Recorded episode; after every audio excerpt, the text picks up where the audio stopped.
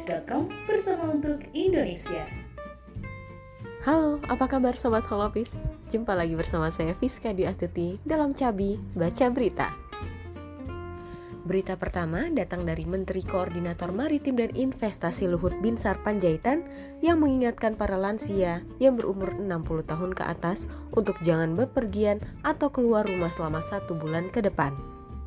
Himbauan itu menyusul makin meningkatnya kasus COVID-19 varian Omikron yang sudah menembus angka 30.000 kasus per harinya. Sesuai dengan prediksi yang telah disampaikan sebelumnya, Koordinator PPKM untuk Pulau Jawa dan Bali ini mengingatkan potensi lonjakan kasus di pertengahan Februari. Luhut juga menjelaskan, imbauan larangan usia 60 tahun ke atas untuk keluyuran tersebut diutamakan kepada mereka yang belum divaksin dua kali, serta memiliki penyakit penyerta atau komorbid, untuk tidak keluar rumah terlebih dahulu. Hal ini karena pemerintah menemukan warga yang meninggal akibat COVID-19 varian Omikron umumnya merupakan orang-orang dengan kriteria lansia. Bahkan dia meminta Omikron tidak boleh dipandang enteng karena virus tersebut dapat merusak tubuh manusia.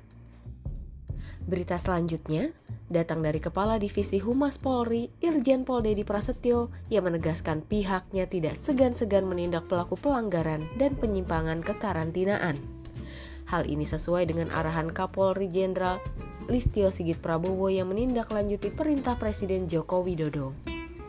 Dedi menuturkan Kapolri sudah memerintahkan Direktorat Tindak Pidana Ekonomi Khusus atau Ditipideksus Baris Krim Polri untuk membentuk tim mengusut adanya dugaan pelanggaran dan penyimpangan dalam kekarantinaan. Hingga kini, kata Dedi, penyidik masih melakukan penyelidikan apakah ada tindak pidana dalam proses kekarantinaan. Jika memang ada dan ditemukan alat bukti, maka penyidik tak segan menetapkan tersangka. Dedi menjelaskan beberapa kasus pelanggaran kekarantinaan terjadi karena adanya blank area dari seseorang, baik warga negara asing maupun warga negara Indonesia saat keluar pesawat hingga menuju imigrasi. Untuk meminimalisir hal tersebut, Jenderal Bintang 2 ini menuturkan Polri sudah melaunching aplikasi monitoring karantina presisi. Namun, ia juga menuturkan perlu kerjasama dari stakeholders lainnya seperti Satgas COVID-19 dan TNI untuk melakukan pengawasan secara konvensional. Terkait dengan aplikasi monitoring karantina presisi, Dedi mengatakan aplikasi ini secara digital mengawasi WNA dan WNI yang masuk ke Indonesia dari mulai tiba hingga ke lokasi karantina. Beberapa lokasi pintu masuk ke Indonesia baik bandara, pelabuhan, dan pos lintas batas negara atau PLBN sudah menerapkan aplikasi ini. Hasilnya, lanjut Dedi, cukup efektif mengawasi WNA dan WNI yang melakukan karantina. Ia pun menjelaskan beberapa keunggulan dari aplikasi monitoring karantina presisi ini, di mana setiap orang yang melakukan karantina akan tercatat dalam sistem berapa lama melakukan karantina dan kapan sudah keluar karantina. Bahkan aplikasi ini bisa mendeteksi orang yang melakukan karantina jika kabur dari lokasi karantina. Namun, ia mengakui beberapa kendala dari aplikasi ini yakni ketergantungan dengan internet. Sebab aplikasi ini bisa berjalan jika jaringan internet stabil. Kemudian, ia juga memaparkan kemungkinan adanya upaya pelanggaran seseorang yang melakukan karantina meninggalkan handphonenya untuk kabur dari karantina sehingga tidak bisa terlacak. Dalam kesempatan ini, Dedi pun berharap agar pelanggaran karantina bisa ditekan di tengah kasus COVID-19 yang kembali meningkat. Ia pun memperingatkan masyarakat ada konsekuensi hukum jika melanggar kekarantinaan.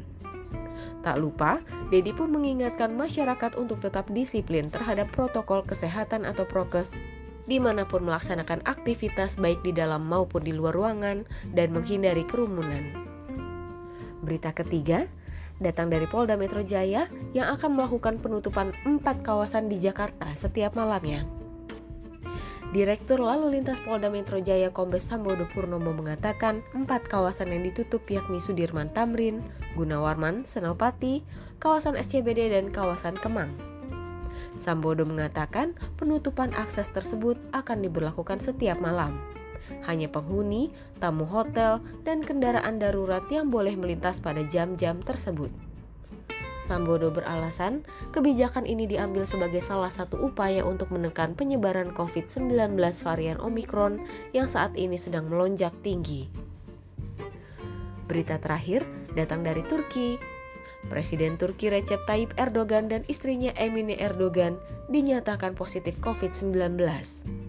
Info ini disampaikan langsung oleh Erdogan melalui akun Twitternya. Ia mengaku merasa bersyukur karena ia maupun istri tidak memiliki komorbid yang membuat infeksi COVID-19 membahayakan fisiknya. Kemudian, Erdogan maupun istri akan melakukan isolasi mandiri di kediaman mereka dan tetap menjalankan pekerjaannya seperti biasa. Sementara itu, Emine juga menyampaikan permohonan kepada semua pihak untuk memberikan dukungan moral berupa doa kepada dirinya dan sang suami yang saat ini tengah menjalani isolasi mandiri. Seperti dilansir CNN, Erdogan sebelumnya melakukan perjalanan ke Ukraina untuk membahas masalah ketegangan dengan Rusia di wilayah tersebut hari Kamis 3 Februari lalu. Dalam pertemuannya dengan Presiden Ukraina Volodymyr Zelensky, Erdogan menegaskan kesediaannya menjadi penengah dan tuan rumah pertemuan puncak antara Zelensky dan Presiden Rusia Vladimir Putin. Demikian rekaman berita untuk hari ini. Saya Fiska Dwi Astuti melaporkan untuk holopis.com bersama untuk Indonesia. Holopis.com bersama untuk Indonesia. Halo sobat Lopis, apa kabarnya? Kembali dengan saya Ibnu di sini yang akan membacakan beberapa berita pilihan dari situs kesayangan kita holopis.com. Berita pertama sobat Lopis datang dari pakar epidemiologi Universitas Indonesia Panduryono di mana ia mengingatkan kepada Kementerian Kesehatan agar tidak hanya berfokus pada satu penyakit saja, Influencer kesehatan yang kerap disapa juru wabah tersebut berpendapat bahwa Kemenkes sebagai instansi kementerian di bidang kesehatan seharusnya menempuh langkah sesuai fungsinya, yakni mewujudkan kehidupan rakyat Indonesia yang sehat. Ia pun mengingatkan kepada kementerian yang dipimpin oleh Budi Gunadisadikin tersebut agar tak terperangkap dalam upaya penanganan COVID-19 saja, meskipun banyak masalah kesehatan di tanah air yang juga perlu mendapatkan perhatian. Menurutnya, penanganan COVID-19 di Indonesia telah menelan banyak biaya yang sangat besar, ditambah fungsi organ tubuh yang rusak akibat COVID-19 sulit untuk dikembalikan secara normal. Dalam penanganan penyakit COVID-19, Pandu menyarankan agar Kementerian Kesehatan berfokus pada upaya-upaya pencegahan dan deteksi dini serta penguatan regulasi dalam pencegahan penularan COVID-19. Berita selanjutnya Sobat Lopez di mana ada mantan juru bicara Komisi Pemberantasan Korupsi atau KPK Febri Diansyah yang angkat bicara terkait dengan polemik hak imunitas anggota DPR RI yang tidak dapat dipidanakan.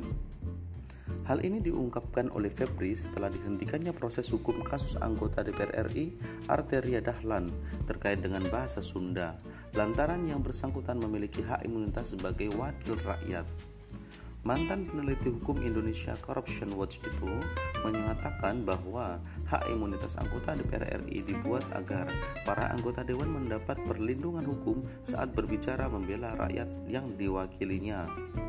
Ia pun mengingatkan tujuan utama hak imunitas tersebut dibuat yakni agar anggota DPR RI berani berbicara yang benar dalam membela rakyat bukan untuk asal bicara.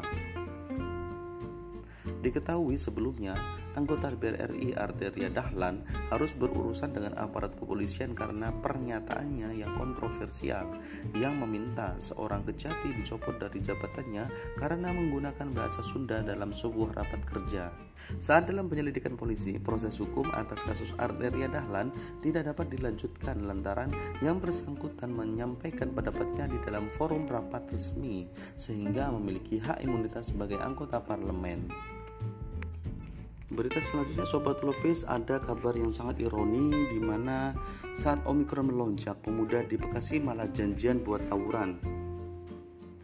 Seperti yang dirilis oleh situs solobis.com di mana polisi telah mengamankan sejumlah pemuda yang hendak melakukan aksi tawuran di perumahan Mega Regensi, Kecamatan Serang Baru, Kabupaten Bekasi, Provinsi Jawa Barat. Pemuda tersebut diduga akan melakukan aksi tawuran pada hari Sabtu 5 Februari 2022 malam. Kegiatan para pemuda berhasil dicegah oleh Polres Metro Bekasi melalui tim perintis presisi yang melakukan patroli. Tim presisi yang dipimpin oleh Ibtu Untung Purwoko dan Ibda Iputu Agung saat itu mencurigai pemuda yang tengah berkerumun. Polisi pun memeriksa sejumlah pemuda yang tersebut. Setelah diperiksa, polisi menemukan sejumlah senjata tajam jenis celurit dan beberapa botol beling. Mendapati barang bukti tersebut, Untung dan jajarannya pun kembali melakukan pemeriksaan. Dari hasil interogasi, ternyata para pemuda hendak melakukan aksi tawuran diduga di daerah Cicau, Cikarang Pusat, Kabupaten Bekasi. Para pemuda tersebut kemudian dibawa ke Mapolres Metro Bekasi untuk menjalani proses hukum selanjutnya. Dalam kesempatannya, Untung menjelaskan patroli presisi dimaksudkan untuk menangkal kejahatan dan menghentikan penyebaran virus COVID-19 khususnya varian Omicron. Berita selanjutnya Sobat Lupis, untuk mencegah penyebaran Omicron, Menteri Agama menerbitkan surat edaran baru tentang tata cara beribadah. Seperti yang dirilis oleh situs solubis.com, Menteri Agama Yakut Khalil Qomas mengeluarkan surat edaran baru mengenai pelaksanaan ibadah umat beragama di tengah peningkatan varian Omikron.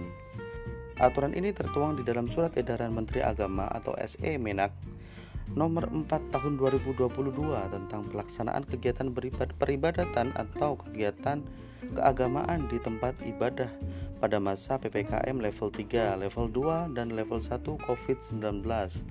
Optimalisasi posko penanganan COVID-19 di tingkat pedesaan dan kelurahan serta penerapan protokol kesehatan 5M. Edaran ini menurut Yakut diterbitkan dengan tujuan memberikan panduan bagi pemangku kepentingan dan umat beragama dalam melaksanakan kegiatan peribadatan atau keagamaan dan penerapan protokol kesehatan 5M di tempat ibadah pada masa PPKM. Edaran ini ditujukan kepada para pejabat pimpinan tinggi media, pimpinan tinggi Pratama Pusat, rektor atau ketua PTKN, Kakanwil Kementerian Agama Provinsi, kepala kantor Kementerian Agama Kabupaten atau Kota, Kepala Madrasah atau Kepala Satuan Pendidikan Keagamaan, Kepala Satuan Urusan Agama Kecamatan, Penghulu dan Penyuluh Agama, ASN Kemenak, pimpinan Ormas Keagamaan, pengurus dan pengelola tempat ibadah serta seluruh umat beragama di Indonesia. Ketentuan dalam edaran ini memuat empat hal yakni tempat ibadah, pengurus, dan pengelola tempat ibadah, jemaah, serta skema sosialisasi dan monitoring. Berita selanjutnya Sobat Lopis dari dunia kesehatan, di mana hasil penelitian mengatakan bahwa vaksinasi dosis lengkap mengurangi risiko terburuk COVID-19. Seperti yang dirilis oleh situs solobis.com di mana hasil penelitian dari data sampel rumah sakit rujukan COVID-19 yakni RSPI Sulianti Saroso terhadap pasien COVID-19 yang dirawat di ICU menunjukkan bahwa vaksinasi sangat penting untuk mengurangi risiko fatal infeksi COVID-19. Dari 12 sampel pasien COVID-19 yang dirawat dengan kondisi berat dan kritis yakni sebanyak 6% atau 50% dari total sampel yang ada belum melakukan vaksinasi. Hal yang paling disesalkan adalah tiga dari pasien yang belum divaksinasi dan dirawat secara intensif tersebut telah meninggal dunia. Data lain menunjukkan bahwa komorbiditas sangat mempengaruhi tingkat kesakitan akibat infeksi COVID-19. Diagnosa pasien menggambarkan semua pasien meninggal memiliki komorbid. Komplikasi penyakit penyerta dan infeksi virus COVID-19 ini sangat membahayakan keselamatan jiwa pasien. Tidak hanya pasien yang meninggal dunia, seluruh pasien yang dirawat intensif mengidap minimal satu penyakit penyerta. Komplikasi komorbid terbanyak hingga ada yang berjumlah enam penyakit lainnya. Meski COVID-19 varian Omicron bisa dilalui dengan gejala ringan atau tanpa gejala bagi sebagian orang yang sudah divaksinasi, masyarakat tetap diimbau agar berempati kepada kelompok yang perlu dilindungi. Selain itu, vaksinasi lengkap sangat penting untuk mempersiapkan diri dari kesakitan dan risiko dirawat yang lebih berat hingga kematian akibat COVID-19. Hal ini seperti yang disampaikan oleh Dr. Nadia Tarmizi, di mana utamanya bagi kelompok masyarakat lanjut usia dan orang yang memiliki penyakit bawaan atau komorbid, segera melakukan vaksinasi. Apabila sudah waktunya booster, agar segera mengikuti vaksinasi booster. Untuk yang memiliki komorbid, bisa berkonsultasi kepada dokter terlebih dahulu untuk mendapatkan vaksinasi COVID-19 karena risiko kelompok rentan ini sangat besar apabila terpapar COVID-19. Demikian Sobat Holopis berita yang dapat saya bacakan. Berita selengkapnya kalian bisa temukan di situs kesayangan kita holopis.com. Di sini Ibnu melaporkan. Holopis.com bersama untuk Indonesia.